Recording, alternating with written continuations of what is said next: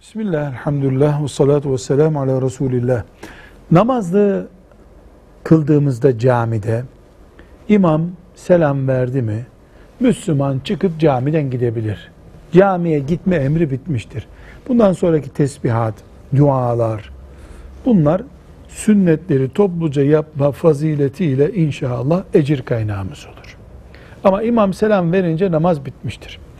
Camiden çıkarken musafahalaşmak, birbirimize dualar etmek, Fatiha deyip Fatiha okumayı sağlamak bunlar sünnette olan şeyler değil.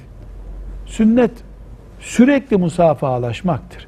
Bunu öğle namazından çıkarken mesela öğle namazının şartlarından biri gibi yapmak bid'attır. Ama camiden çıkarken musafahalaşmak bid'at değildir.